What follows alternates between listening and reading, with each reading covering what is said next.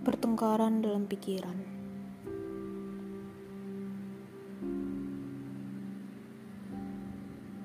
Aku selalu bertengkar dengan ibu dalam pikiran. Ucap-ucap terbelenggu. Topik-topik tabu. Empati yang kaku.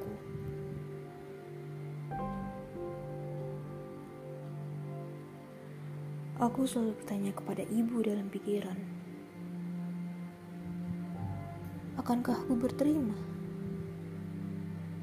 Semisal nadam-nadam yang ia baca meski terbata.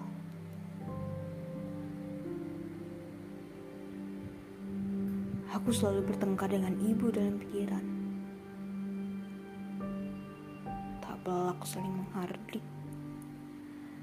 Mencaci tanpa mendidik memakik tak berkutik.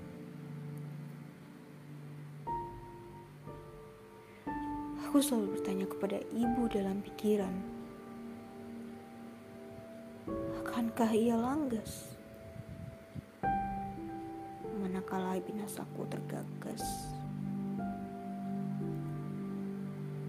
juga daun-daun fana ini meranggas.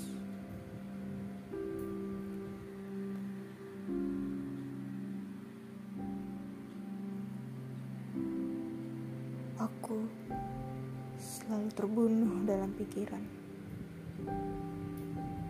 Pikiran yang tak bisa apa-apa. Yang hampa. Yang papa.